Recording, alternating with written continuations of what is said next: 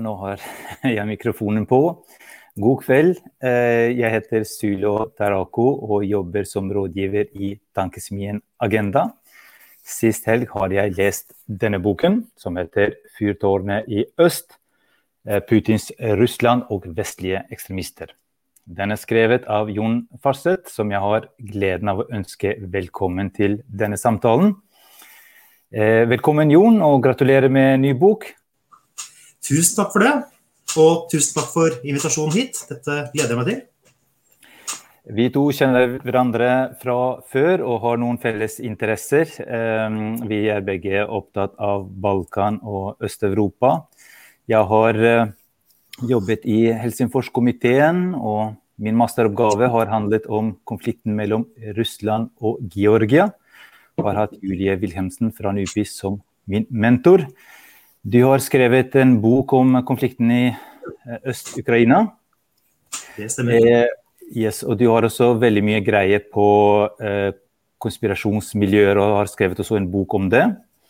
Eh, og den siste tiden så har dere og har mange sett eh, Jon på TV eh, og hørt ham på radio, for de har snakket en del om disse koronafornektere i Norge. Eh, men det, kveldens samtale skal også handle om uh, denne boken. Uh, om høyreekstremister og, og, og, Russland. Og jeg husker, Jon, når de var innom Agenda for to år siden, tror jeg det var, at jeg spurte deg om hvorfor er så mange på ytre høyre fløy også fascinert av, av Putin og, og Russland. Og vi hadde en liten samtale om det. Og nå ser jeg dette som en slags fortsettelse av den samtalen, men nå har de altså skrevet en hel bok om temaet.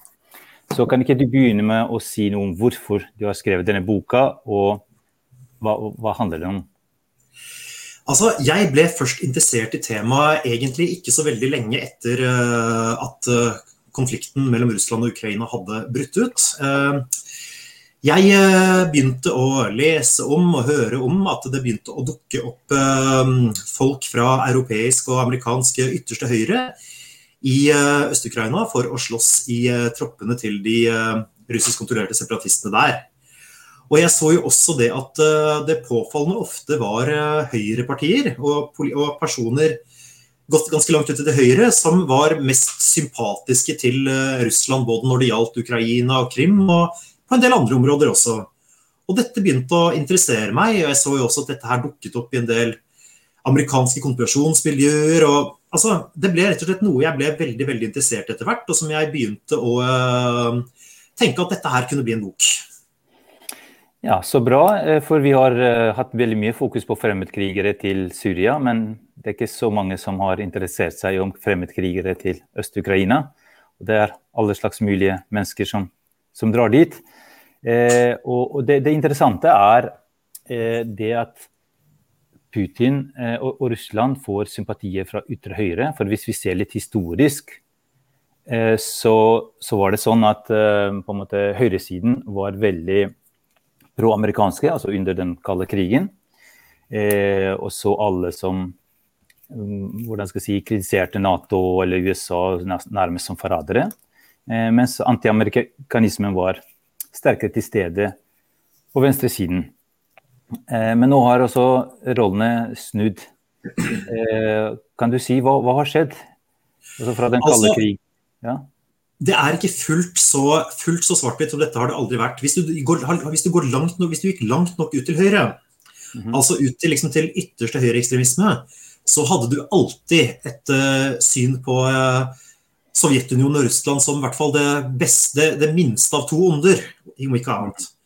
Fordi man eh, betraktet gjerne Vesten, og spesielt USA, som synonymt med kulturell homogenisering, kulturell forflatning, ikke sant? som en eh, litt mer nyere aktør på fransk ytterhøyre sier. ikke sant? At eh, jeg vil heller gå med hjelmen til Den røde armé enn å gomle hamburgere i Brooklyn. Mm -hmm. uh, og det er et eller annet der altså, at man på en måte har betraktet Russland som, som, et, litt som, litt sånn, som en kulturnasjon. I motsetning til USA, som man da så på som litt sånn flatt og sånt. Og så så man liksom at så ble det etter hvert, så ble det jo etter hvert eh, innvandring til Europa. Og eh, det skapte jo nye motiver her igjen. ikke sant? Man begynte mm -hmm. å mhm. se på Øst-Europa, og for så vidt også Russland, som den hvite rasens store håp, altså, rett og slett. Man, fordi her var befolkningen fortsatt homogen, ikke sant? Det var ikke noe innvandring. Det var ikke noe quote on quote islamisering, sånne ting som dette, som man jo selvfølgelig var imot.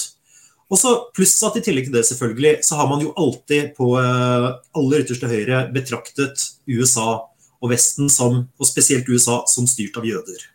Som dermed som et, som et verktøy for jødemakten, ikke sant. Eller globalismen, som man liker å kalle det. Men okay, det er klart at dette har endret seg i nyere tid.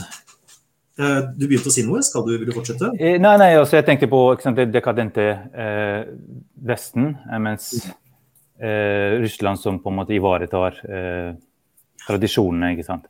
Eh, men, men, det nye det... Dag i dag, og som er veldig veldig viktig. Dette med Russland som bærer tradisjoner, og Russland som et land som står opp mot globaliseringen og liksom går sin, sin alenegang. Det er kortversjonen. Nettopp. Men, men, det nye her, den nye konteksten er også den kulturkrigen vi er inne i. Eh, og, og, og, som et startpunkt så tror jeg du nevner i boken eh, den eh, reklamen eh, som forbyr Eller eh, forbudet mot reklame for homofili overfor enslige mindreårige. Det var i 2013, ikke sant? Og det, det fikk massive reaksjoner fra, fra, Vesten, og det skapte en, en, en, slags spenning mellom Vesten, kløft mellom Vesten og, og Russland. er det er det noe som Russland eh, virkelig fremprovoserte selv, eller i hvert fall tjente på? Altså, Denne loven her, som, som såkalt homoseksuell propaganda, det er jo rett og slett egentlig i praksis all, all saklig informasjon om uh, homofili rettet mot mindreårige. Og det inkluderer alt som på en måte fremstiller det som noe naturlig, eller som noe som er på en måte likeverdig med å være heterofil. Mm. Og Det er nå i praksis forbudt ved lov i Russland, selv om man fortsatt kan snakke kan si, om det til voksne. Eh, det er en lov som har eh, ført til en, eh, sannsynligvis ført til en kraftig økning i diskriminering og trakassering av homofile i Russland. og Det er jo mm. som er, var et ganske, altså, det var et ganske fordomsfullt land i utgangspunktet. Det er klart at dette her, det hadde nok sikkert også en, den hensikten å på en måte kan du si, stemple Vesten, og dermed også vestlig støttet opposisjon, som liksom forkjemper for dekadanse. Da kunne du si at se på disse her, ikke sant. De driver her og slåss for disse perverse rettighetene her. Eh, er det virkelig noe dere vil ha, sier de til sine egne folk, ikke sant. Men det fikk også den effekten at det skaffet dem venner og allierte blant eh, en del konservative miljøer både i USA og Europa, som jo nettopp mislikte den, kan du si, den uh, moralske utglidningen i deres øyne som vi har sett uh, her de siste tiårene. Og på en måte at her var det endelig sant, et land og et, en leder som våget å stå opp mot homolobbyen, som uh, det ville kalle dette her. Og, så, så, på den måten så skaffet det dem faktisk også allierte. Men jeg vet ikke om det nødvendigvis var formålet med loven i utgangspunktet.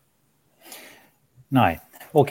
men Eh, du, du, nevnte dette med motstand mot globaliseringen. Eh, og så har vi vært inne, inne på dette med, med homofili. Eh, hva annet eh, ser de eh, hos Russland som, som forbilde? Altså, er det familietradisjoner, eh, kirkens rolle og den type ting også? ikke sant? Ja, her tror jeg vi må separere litt. Hvis vi snakker om høyrepopulister og den typen ting, så er det nok helt åpenbart uh, det de anser som respekt for familieverdier i Russland. Mm. Uh, kanskje også det at de ser på uh, Putin som en sterk leder.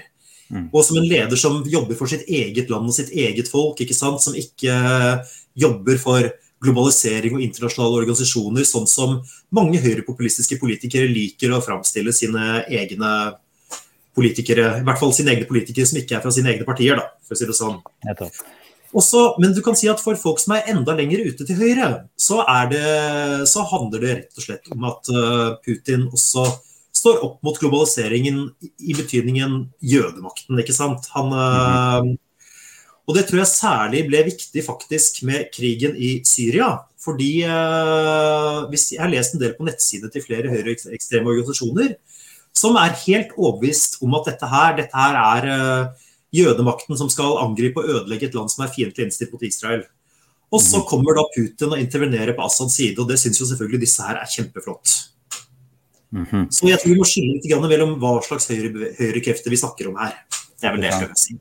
Litt uh, ulike motiver der. Uh, og det er ulike motiver også blant de fremmedkrigerne som reiser til Øst-Ukraina. det er veldig, veldig, mye rart der. Og noen er også fra, fra altså ekstremt venstrehold også. Eh, ikke, ikke, ikke fra Norge, men fra andre land. Det stemmer. Det er uh, veldig mye rart si, som har reist dit. Uh, og de har reist dit til dels for å slåss både på den russiske og på den uh, ukrainske siden.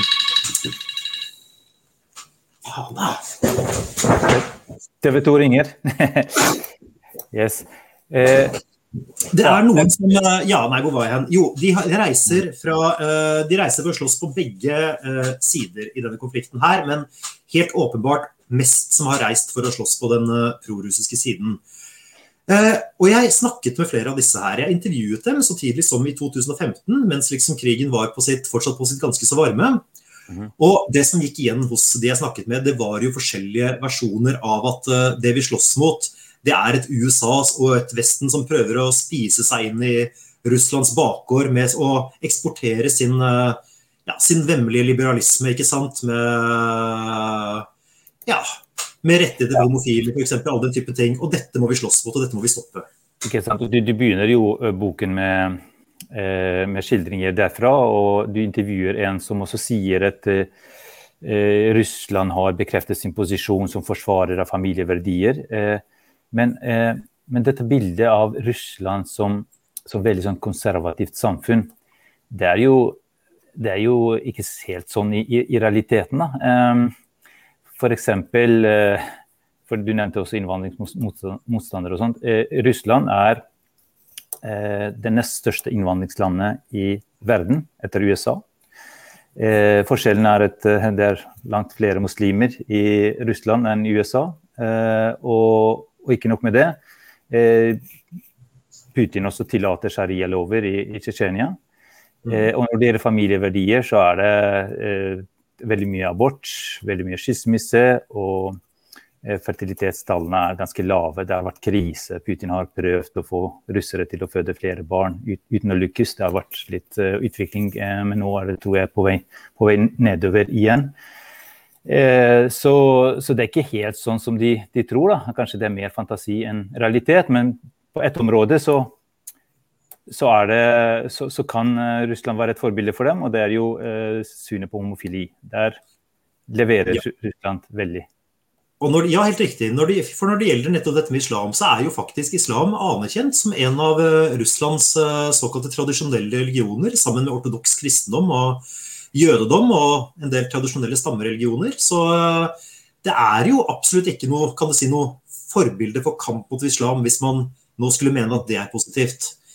Men eh, ja, det er et land som uh, står opp mot det globale. Det tror jeg er viktig, og jeg tror dette med familieverdier er svært viktig. Og I dette tilfellet så kan jeg også påpeke, kan jeg også snakke, si litt om at dette er noe som man i hvert fall fra krefter i Russland også har brukt til dels for å mobilisere og skaffe seg venner etter hvert. Det er f.eks. en internasjonal organisasjon som heter World Congress of Families, som har mm. årlige konferanser blant folk som er tilhengere av kan du si, litt sånn ganske reaksjonære kristenkonservative ideer. Og eh, de har jo både hatt eh, De er både grunnlagt av eh, to amerikanere og to russere. De er antagelig sponset av en russisk oljeverk. De har hatt flere av konferansene sine i Russland. Inkludert en konferansehall i selveste Kreml. Og det er klart at dette her er fra russisk hold et veldig nyttig sted å nettverke med eh, høyrepolitikere fra Europa. Og det er ikke hvem som helst som er der. ikke sant? Det er folk fra Salvinis parti, fra Alternativ for Deutschland, fra uh, Front National, fra Ungarn, alt mulig annet. Så det blir på en måte et sted man kan forsøke å nettverke med og kanskje skaffe seg nye venner på den måten her. Ja, fordi det er jo forskjell mellom liv og lære. Også når det gjelder verdier, så er det helt klart at de promoterer disse verdiene veldig sterkt. Selv om skilsmissetallene og aborttallene og det der er veldig høye i, i Russland. Eh, eh, når det gjelder disse vennene som Russland har da, i, i, Europa, så er det mange eh, rare venner de har. Også mange av dem veldig sånn, eh, konspirasjonsteoretiske og på marginale ytre krefter. Hvordan, hvordan, kan Russland tjene på å ha slike venner i Vesten? Hvordan kan de på en måte hjelpe Russland med, med omdømmet sitt? Eh, det burde vært motsatt. Altså, eh, Mange av disse her er jo langt fra marginale. ikke sant? Kanskje Russlands beste, eller Putins beste venn i Europa er jo Viktor Orban, eh, Ungarns eh, statsminister. Og Han er jo nettopp, han er jo Ungarns statsminister, og han er kanskje en av de viktigste anførerne for en, uh, ja, for en euroskeptisk, eurokritisk fraksjon innenfor, innenfor EU. Og eh, vi har jo også sant, politikere og partier som eh, Alternativ for Deutschland i Tyskland, som jo mm. er et ganske stort parti. Vi har eh, partiet Front National, eller Rassemblent National, som de kaller seg nå for tiden. Som eh, fikk nesten, ja, det var vel nesten 40% av stemmene ved siste franske presidentvalg. Og det er jo ikke utenkelig at Marine Le Pen kan bli eh, president i Frankrike på en gang. Så de er nytt, Og vi har Salvini i Italia, ikke sant? sånn som dette her. Og de er uh, verdifulle fordi de, uh, både fordi de ja, fremmer et uh, prorussisk budskap for opinionen i sitt eget land. De er, og de, stemmer, de, de, forsøker alt de kan å oppheve sanksjoner mot Russland. Noe Russland selvfølgelig svært gjerne ønsker seg. Og så kan man jo også si det at fordi disse kreftene her er euroskeptiske, så, de en, eh, så er de nyttige å støtte og fremme. fordi det er jo helt klart det at drømmen for russisk hold er jo, ja, for å bruke ditt eget ord, en balkanisering av Europa.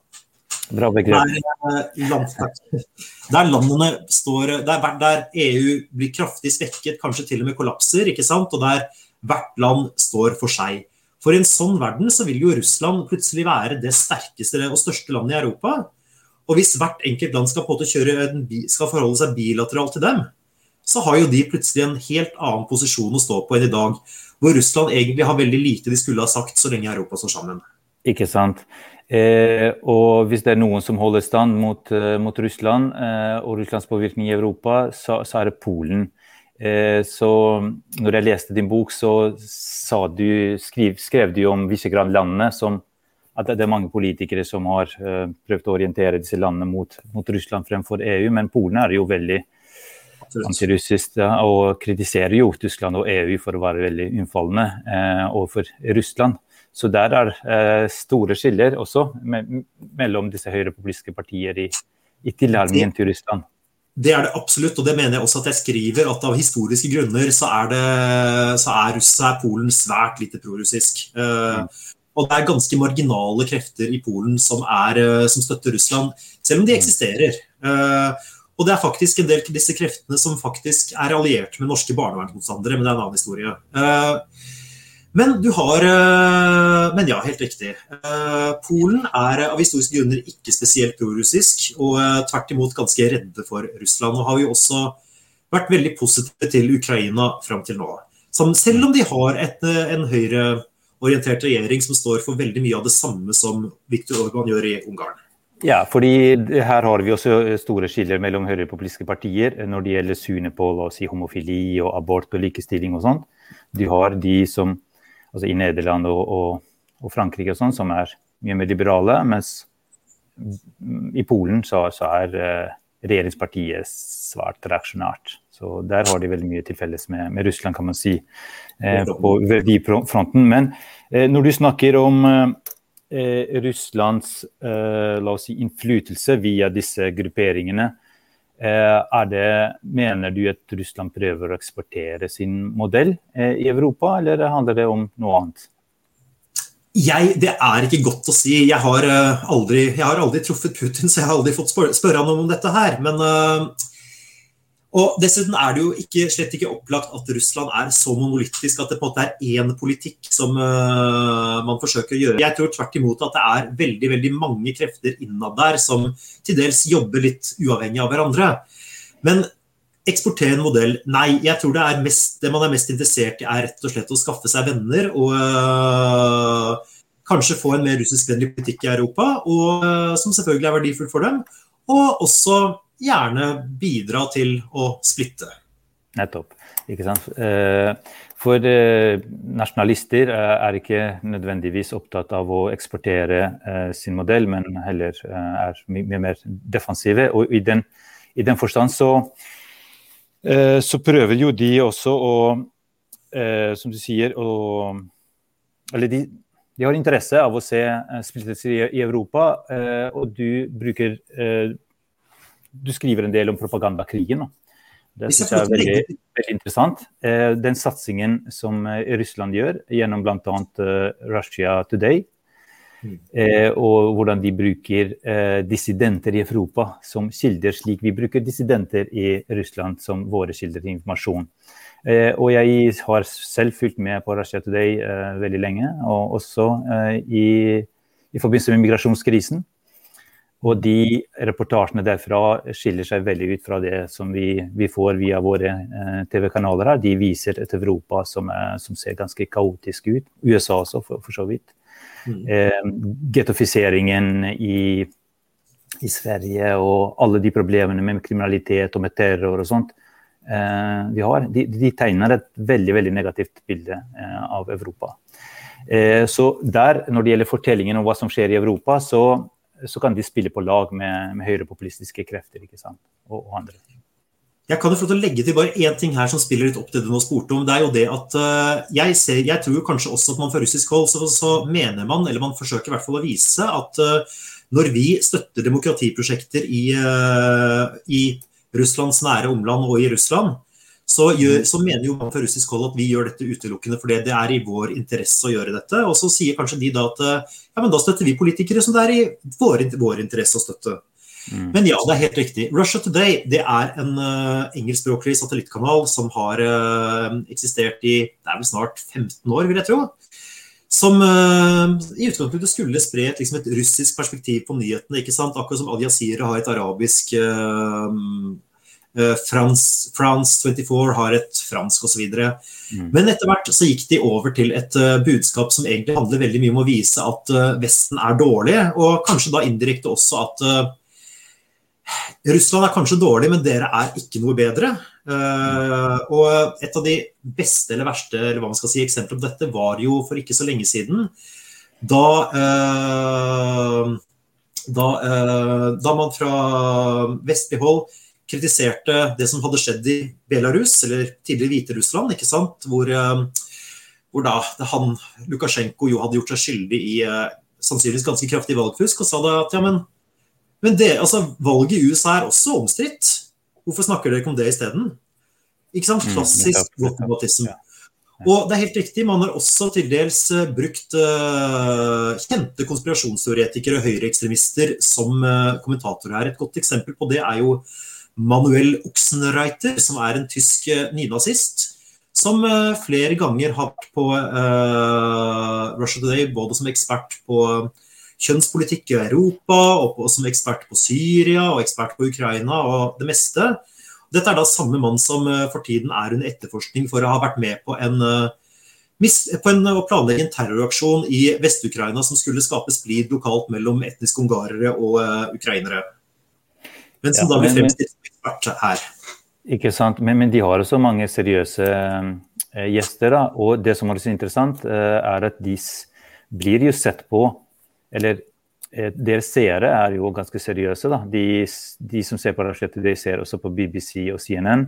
Det er, det er ikke et akkurat et kanal som, som veldig mange som konspirasjonsteorikere og sånt ser på. Men, men, de klarer sant, å kombinere eh, hvordan skal jeg si, fremstå som seriøse samtidig som de kjører eh, sin agenda. ikke sant?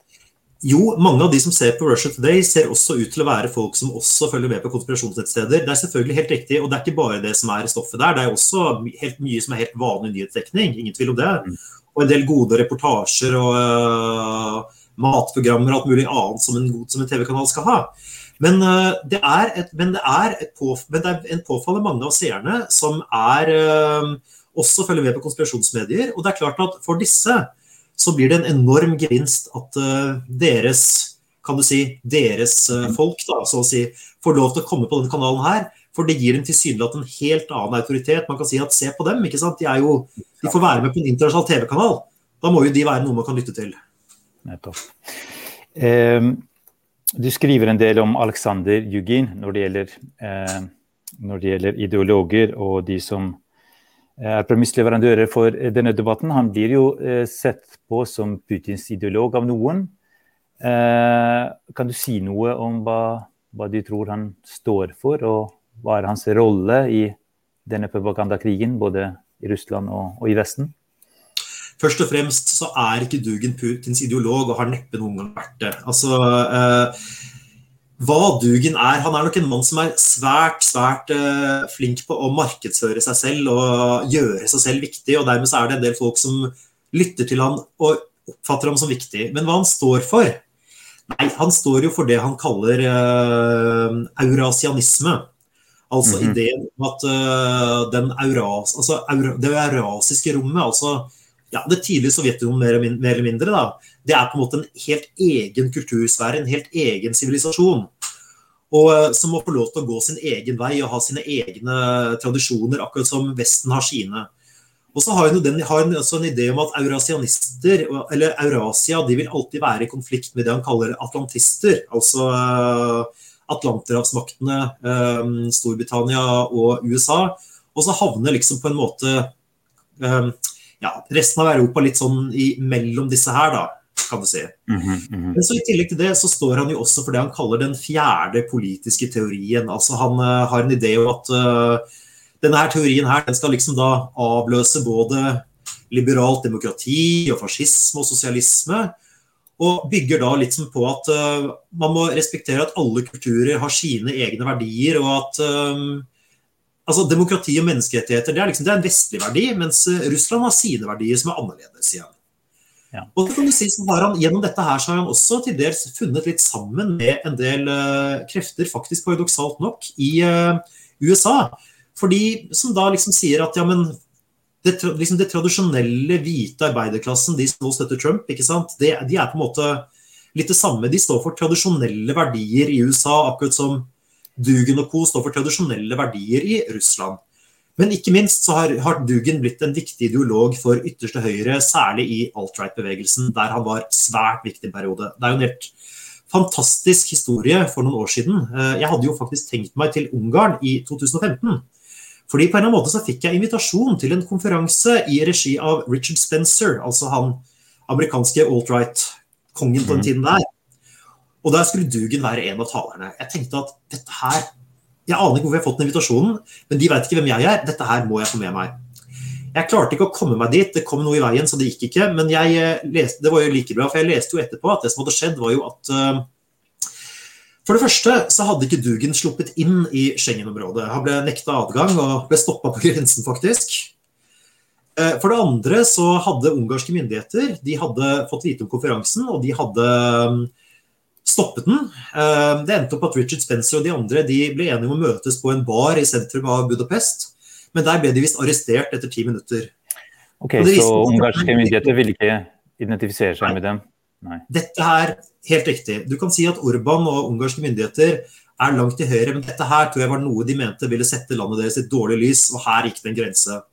Så her kunne da et autoritært regime slå litt hardt ned og si stopp, dette skal vi ikke ha. Mm -hmm. Eh, ja, og når du nå eh, skriver en bok om eh, de, disse kreftene og forbindelsene mellom dem, og hvordan de påvirker hverandre, fordi ideene og Eh, flyter ikke sant? Fra, fra, USA og til Europa, Russland og frem og tilbake. Eh, så er det fordi du mener eh, disse ideene representerer en trussel. ikke sant? Mm. Hva, hva, slags trussel vi snakker om, og kan du si noe om hvem er, hvem er det i Norge du har i tankene når du snakker om disse miljøene? som hvis vi starter med hvem, hvorfor jeg oppfatter dette som en trussel, så er det mhm. flere grunner til det. Én ting er jo selvfølgelig at dette her er eh, ja, disse partiene som uh, sympatiserer med Russland, og som til dels også har fått pengestøtte fra Russland, sånn som Alternativ for Deutschland, Salvinis parti og andre, det er jo dypt reaksjonære krefter, rett og slett, som, uh, for, som antagelig vil gjøre livet vanskeligere for mange minoriteter, dels også bare for kvinner, hvis de, eh, hvis de skal få mer makt. Det er én mm. ting. Så har du også det at dette her er krefter som eh, ønsker, ja, som ønsker en balkanisering av Europa, for å bruke det her igjen. Og det jo, vil jo være en ganske vanskelig situasjon å komme i også for Norge, selv om vi ikke er et EU-medlem. Men så kommer det andre ting inn her. Det er jo det at uh, dette gjelder jo også nynazister. Og vi vet jo det nå at uh, ja, det er f.eks. en uh, russisk organisasjon som heter Den russiske imperiebevegelsen, som uh, både har sendt soldater til Øst-Ukraina for å slåss for separatistene der, som også ofte jobber som leiesoldater for oligarker nær Putin, har blitt satt inn i Syria, Libya og andre steder, og dermed har ganske mye stridserfaring, og som driver treningsleire den dag i dag utenfor St. Petersburg, der en rekke nynazistiske grupper fra hele Europa har vært og fått opplæring. Eh, det gjelder bl.a. folk fra den nordiske motstandsbevegelsen. Ja, og Det har ikke fått så mye oppmerksomhet her. Eh, for jeg tenker det å få trening i utlandet, eh, det, det er potensielt farlig. Det er veldig farlig, fordi de lærer da faktisk f.eks. å lage og desarmere bomber. ikke sant? De lærer stridsteknikk og sånne ting som dette av folk som faktisk har vært i krig. Og det må jeg innrømme er ganske så skremmende. Ja, og ikke bare eh, erfaring, altså krigserfaring og sånt, men de også eh, får kontakter, internasjonalt nettverk. Ja. Den russiske imperiebevegelsen har skaffet seg et svært nettverk over hele verden og er nå på USAs terrorliste av den grunn. Og vi skal også merke oss det at uh, disse treningsleirene her, og også konferanser de har arrangert, hvor det har vært folk fra ytterste høyre fra hele Europa. Det har skjedd eh, tilsynelatende med samtykke fra myndighetene. Altså I et land som Russland, hvor det er, man må liksom søke om visum og, og veldig mye skal vi si, uønsket politisk aktivitet blir slått ned på, så er det vanskelig å tro at ikke dette her skjer med, om ikke velsignelse, så i hvert fall med at myndighetene bevisst snur et annet øye til og ikke bryr seg. fordi ja, så lenge det ikke, på en måte, ikke skader dem da, på noe vis. Og det er veldig skremmende. Helt enig. Over til et annet tema som du tar opp i boken. Eh, og, og, det har med konspirasjonstenkningen og eh, propaganda mot Norge. Eh, barnevern, altså antibarnevernpropaganda. Eh, den finner du i Polen og i baltiske land. Og, eh, men men så, og de har kontakter i Norge. Eh, men så har jeg lurt litt på hva, hva har dette med Russland å gjøre? Hvordan, hvordan henger dette sammen med, med prorussiske si, holdninger? da? Det er, det er, helt riktig. Vi har et uh, stort antibarnevernmiljø også i Norge. ikke sant? Uh, det inkluderer jo for øvrig også kristen, en del kristenkonservative nordmenn. Som jo jeg skulle til å si at er blant de prorussiske miljøene i Norge. Men det er en annen historie. Eh, jo, eh, det har vært en Jeg ble først klar over dette da jeg var i Tsjekkia for noen uh, år siden. Jeg snakket med folk der som fortalte det at uh, nå var det blitt utrolig mye sånn hets og misforståelser rundt Norge. Da. Man mente at Norge de stjal jo barn fra østeuropeiske familier fordi vi hadde så dårlig genmateriale. Så vi måtte liksom kjøre litt sånn Lebensborn-prosjekt, rett og slett, mm. for å fikse dette her. Og eh, jeg eh, begynte jo å snakke med en del folk om dette, og jeg fant jo ut det at uh, dette her også ble koblet opp mot motstand mot det man kalte norsk ideologi, eller juvenile justice. Og at dette her det stammet faktisk direkte fra, uh, igjen fra russiske medier, hvor det hadde vært en ganske stor kampanje mot Norge noen år tidligere. Eh, der bl.a. det russiske barnevernet hadde deltatt, og der russiske aktivister som hevdet at eh, Norge ja, ble styrt av pedofile, at incest og pedofili var en stor, gammel og ærverdig tradisjon i Norge. Eh, til og med at, og at ja, til og med ble det hevdet i, blant disse aktivistene her at i Norge så var det vanlig å kle barn ut i Putin-kostyme og voldta dem når de skulle straffes. Altså, det, det, det høres litt sånn vittig ut, men dette her er det disse menneskene faktisk hevder. Dette her, eh, og det blir selvfølgelig da gjerne satt i forbindelse ikke sant, med ja, vårt syn på homofile, f.eks., som eh, gjerne kobles opp mot pedofili i, den, i litt mer reaksjonære miljøer. Og alt dette, det, all den suppa her, den ble da plukket opp i Tsjekkia og ble en del av bakgrunnen for motstand mot norsk barnevern. Men så viste det seg også at i Baltikum så har eh, de samme ideene mye mye mer større grad blitt planmessig eksportert. Man ser eh, prorussiske medier, prorussiske organisasjoner som eh, arrangerer demonstrasjoner mot Norge. De har alternativmedier som sprer denne her typen historier. Og til dels gjør de dette her i samarbeid med norske antibarnevernsaktivister som har vært på konferanser der, blitt intervjuet i disse mediene osv. Og eh, da blir det selvfølgelig noe helt annet, for da er jo selvfølgelig hensikten ikke bare så å si indremedisinsk, sånn som det er i Russland. ikke sant? At målet er å vise hvor ille Vesten er, ikke, ikke slutter det til dem. liksom. Men også å skape en uh, antinorsk og dermed en antivestlig stemning, i, særlig i de baltiske landene. Og uh, Det har man jobba hardt med, og der har også, som sagt også norske antibarnevernaktivister deltatt. Om de er klar over dette selv eller ikke, det vet jeg ikke. Nei. Og når Norge blir dømt i menneskerettighetsdomstolen i Strasbourg, så, så, bidrar det til å bekrefte deres ja. verdensbilde. Og dette er selvfølgelig ikke en bok om eh. norsk barnevern, og det er selvfølgelig sikkert ting som kan diskuteres med det, men, men, men den koblingen opp mot pedofili og sånt, og den er jo selvfølgelig Veldig, veldig interessant. Eh, og apropos homofili eh, også, så har vi fått eh, et spørsmål fra, fra publikum her. Eh, eh, en som heter Terje Meyer, eh, sier hva reflekterer denne holdningen til homofili i Russland? Er det en indikator på kirkens politiske makt? er det et eksempel på hvordan Putin bruker kirken for å befeste sin politiske makt? Hvor mye av dette handler om dypt forankrede holdninger i et ortodoks samfunn? Jeg tror det der er et komplisert spørsmål. Eh, på den ene siden så er det nok for så vidt forankrede, eller skal vi heller kalle det gammeldagse holdninger, som kanskje ikke er så veldig forskjellige fra de som fantes i, ja, i Norge for noen tiår siden. ikke sant?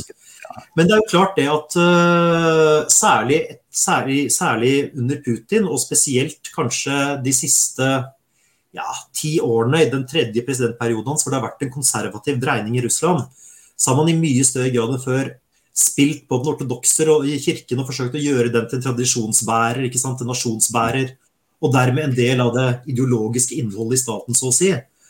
Og, og dermed, så, og denne loven må nok ses delvis som et utslag av eh, en bevisst politikk, og ikke nødvendigvis av eh, tradisjonelle verdier. Pluss at disse lovene nok også handler om at man uh, kunne bruke dette til å sverte ja, demokratiaktivister og sivilsamfunn og andre som Og sier på en måte Se her, dette er det de folkene her jobber for. De, vil, de, vil, de samarbeider med Vesten, som vil spre dette perverse tankegodset her inn hos oss. Ikke sant? Ja, ikke støtten. Ja. Og, og, og, Det interessante når det gjelder holdninger til homofili, er at uh, i, i, Vesten så blir holdningene bare mer og mer positive, mens i, i, Russland så har det gått i negativ retning. Og Det som er veldig interessant her, er jo en uh, kanadisk forsker som heter Elliot Bornstein, som jo har skrevet til om dette og sier det at veldig mye av retorikken rundt dette i Russland i dag, den er jo ikke tradisjonell russisk. Den er faktisk hentet fra amerikansk kulturkrig. Hmm. Men at man så å si har liksom appropriert den retorikken eh, fra russiske myndigheter sine hold. Veldig spennende, veldig spennende bok for øvrig. Anbefales. Yes. Eh, videre eh, til eh, norsk eh, debatt eh, om Russland. det som du også problematiserer, i tillegg til de som er prorussiske og høyreekstreme, er noen, noen du kaller for Russland-forståere. Ja. De som uh, ufrivillig uh, fungerer som propagandister for Russland. Slik jeg forstår det, så snakker du her om intellektuelle politiske partier, uh, kommentatorer i aviser og sånt, som på en måte har større forståelse for Russlands perspektiver og, og fremmer disse i, i, våre debatter. Men er, det, er ikke dette en problematisk måte å plassere mennesker på? Altså Hvis man er imot sanksjoner, eller hvis man mener noe annet om Ukraina eller eh, opposisjon eller posisjon i Ukraina og sånt, skal man bli kalt for Russlands forståer? Eh, dette her er et begrep som er hentet fra tysk debatt. og Det er selvfølgelig ikke slik at man ikke kan ha en, for ha en såkalt realistisk tilnærming til ting. ikke sant? Der man sier det at vi mm. må jo eh, vi må, forstå, vi må forstå at Russland agerer på, på, sin måte og kommer til å fortsette å gjøre det. Vi kan mm. ikke liksom skal, vi kan ikke liksom late som om ting kommer til å forandre seg. Det er det jo mange som mener. Og det er ikke nødvendigvis Man kan være uenig med det, men det er, ikke, det er, ikke, det er jo ikke en, hva skal si, en uakseptabel ting å mene det. Ja, fordi det er liksom litt ulike tilnærminger. Noen, noen, ønsker bare å unngå konflikt og tilspissing av, av konflikten.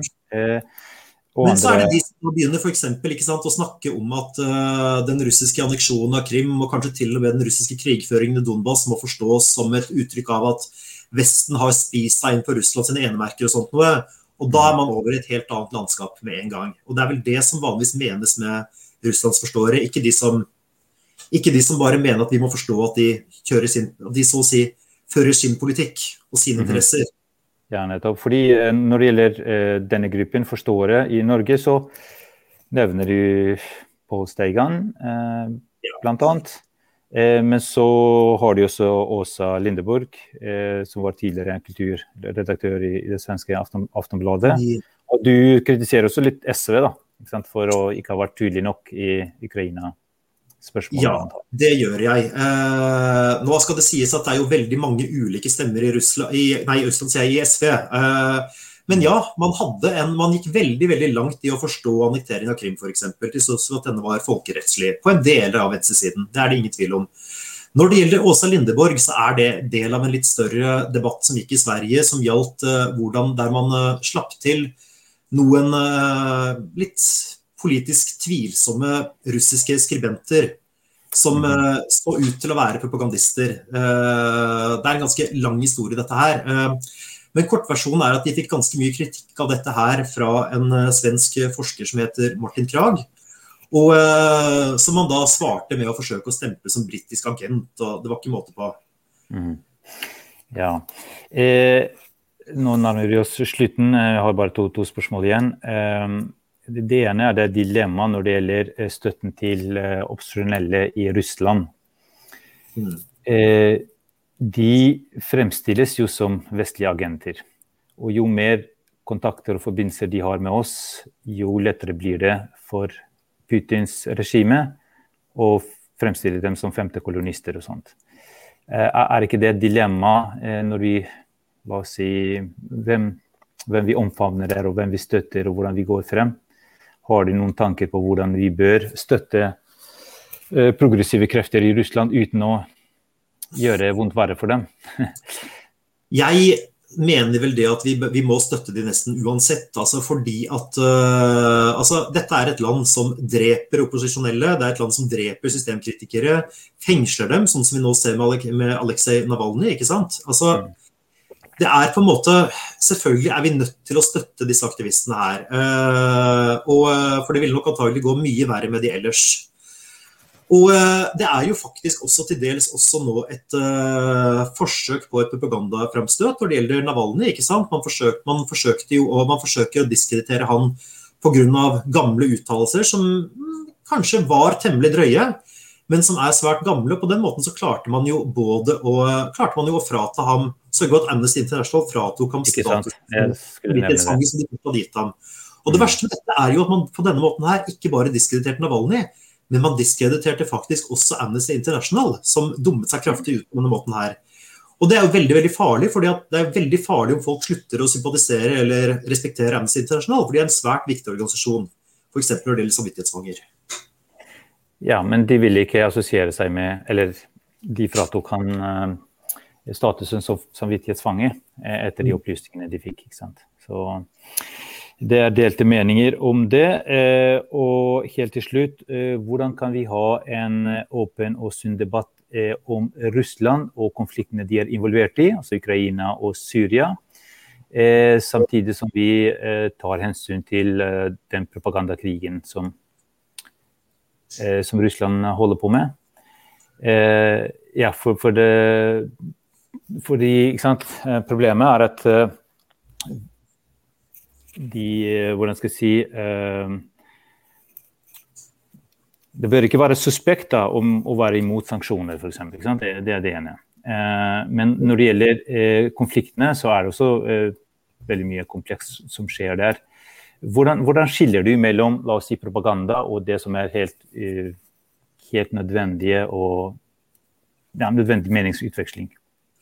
Altså, propaganda er jo, eh, er jo som regel enten feil eller, så, eller i hvert fall kraftig fordreid.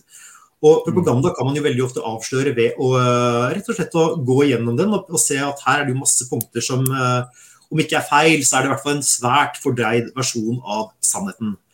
Og Vi ser jo også at en god del av propagandaen herfra den, den, den spres av folk med et litt sånn konspiratorisk utgangspunkt. Og den kan jo avkles akkurat som all annen konspirasjonsteori.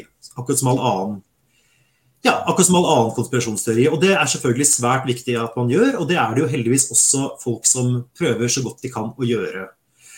Eh, det er helt riktig. Man må skille mellom, eh, selvfølgelig mellom saklig diskusjon og den som er eh, preget av propaganda. Og igjen, det gjør man vel kanskje best ved å forsøke å påpeke dette, forsøke å kle av den propagandaen når den kommer opp, men samtidig ikke avvise folk som har et, ja, har et avvikende syn, så å si, basert på den informasjonen vi faktisk har. Da. Det må jo selvfølgelig være lovlig. Ja, for, det, for mange er bare hvordan skal si, blir informert eh, og er ikke kanskje kritiske nok til kildene de, eh, de, de leser, eh, og, og, bidrar til den propagandaen, men uten å ha noen sånn pro-russisk agenda av den grunn. Det er helt riktig, og det tror jeg er noe av det store problemet med moderne propaganda. Det er det at den er laget veldig for å tilpasse til dagens mediesamfunn, ikke sant? hvor vi bombarderes med mm. informasjon, og vi ikke har mulighet for å kontrollere alt, alt sammen. Og Da er det også lett å komme med feilinformasjon og desinformasjon oppi dette her. Og Det har man dessverre fra russisk hold vært svært dyktige til. Og det er det også dessverre stemmer i eh, vest som eh, i noen tilfeller gjengir med vilje, hadde nær sagt. Og i andre tilfeller lar seg så å si nærmest lure til å gjengi. Og Det er vel kanskje det siste som er det farligste. Og det gjelder vel kanskje dessverre spesielt stemmer til venstre. fordi at normalt så er det jeg snakker om i dag, det er hovedsakelig et høyreproblem. Det er eh, veldig veldig stor grad noe som hører til til høyre, og til dels ytterst til høyre. ikke sant? Vi har noen få direkte prorussiske politikere i Norge. De kommer fra Fremskrittspartiet og litt lenger ut enn det.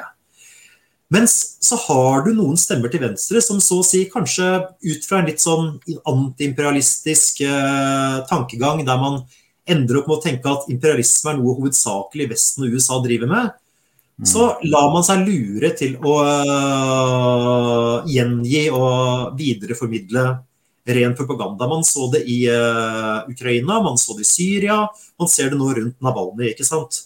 Og det er kanskje det, kanskje det farligste, for dette er folk som når ut til et mye større publikum, og som kanskje ikke engang, igjen, kanskje ikke engang har noen bevisst agenda med dette her. Ja, og når du nevnte Frp her, så, så, har det vært stemmer fra Frp som har støttet annektering av Krim, f.eks. Det er det.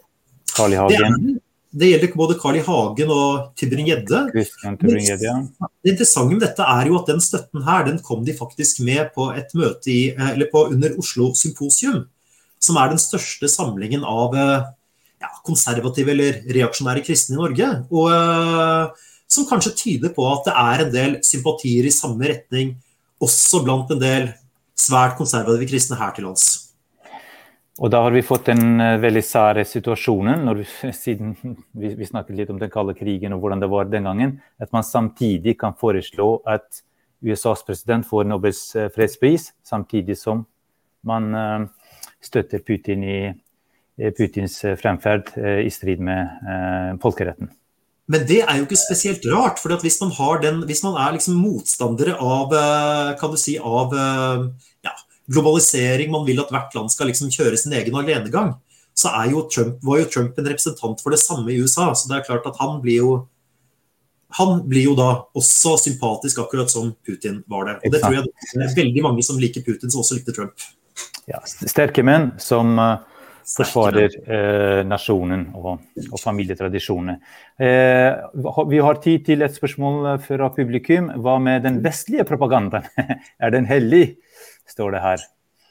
Eh, da, spørs, da, lurer jeg litt på hva du mener med vestlig propaganda. men oss, Hvis vi skal snakke helt generelt Jeg er ikke helt sikker på hva du mener med vestlig propaganda, men selvfølgelig nei. Eh, hvis det er sådan, så er den selvfølgelig ikke det. Men denne boken her, den handler om prorussiske miljøer den handler ikke om provestlige miljøer. Eh, det fikk eventuelt bli til en Og det er jo klart, USA har gjort veldig mye dritt i årenes løp, de også. ikke sant? De har, eh, Og vi ser jo f.eks. Uh, også på altså, avsløringen til Edward Snowden, f.eks., hvor de til og med avlyttet sine egne allierte. Det er klart at dette er ikke noen, noen, engler, de heller. Men det er på en måte ikke det denne boka her handler om, så det får, måte, det får, det får noen andre skrive om. Jeg har valgt å fokusere på prorussiske miljøer her. Ja, Pluss at whataboutism er også egentlig noe av det et, synes jeg ødelegger enhver diskusjon. fordi når du liksom sier ja, men hvorfor snakker du om det, hvorfor snakker du ikke om dette også? Og så blir det liksom ja. Da ødelegger du nesten enhver enhver forskjell. man, man, kan, man kan alltid, når vi kritiserer autoritære regimer, så kan man alltid finne noe på, eh, på Vesten. Altså at Vesten har gjort eh, et eller annet både tilbake i historien og, og i dag. Eh, men vi er også veldig kritiske, selvkritiske i Vesten. Ingen er mer selvkritiske enn oss. Så, Nei, det er helt riktig. Eh, så, men eh, når vi snakker om konspirasjonsteorier og eh, ekstrem eh, propaganda, så, så, er det viktig å være kildekritiske og, og, vite hva som foregår, hva, hva slags eh, propagandakrig som foregår der ute. Og da er denne boken veldig nyttig verktøy, for den gir en oversikt over miljøene, forbindelsen mellom dem Eh, og nettopp eh, problemet med, med, denne propagandaen. Har de noen eh, avsluttende ord, Jon, eller har vi vært inn, innom det meste? Det er mye, mye forskjellig som står her. Vi har vært innom veldig veldig mye her. Men uh, jeg håper at dette her var en uh, oppløs, opp, opp, dette her var en opplysende time for uh, dere som så og hørte på dette, og at mange får lyst til å, ja, til å lese boka etter dette. Og så vil jeg gjerne takke deg, Sylo, og Agenda for en for arrangementet. Takk til deg også for en veldig opplysende og interessant samtale, og takk til dere som har eh, fulgt med. Ha det bra.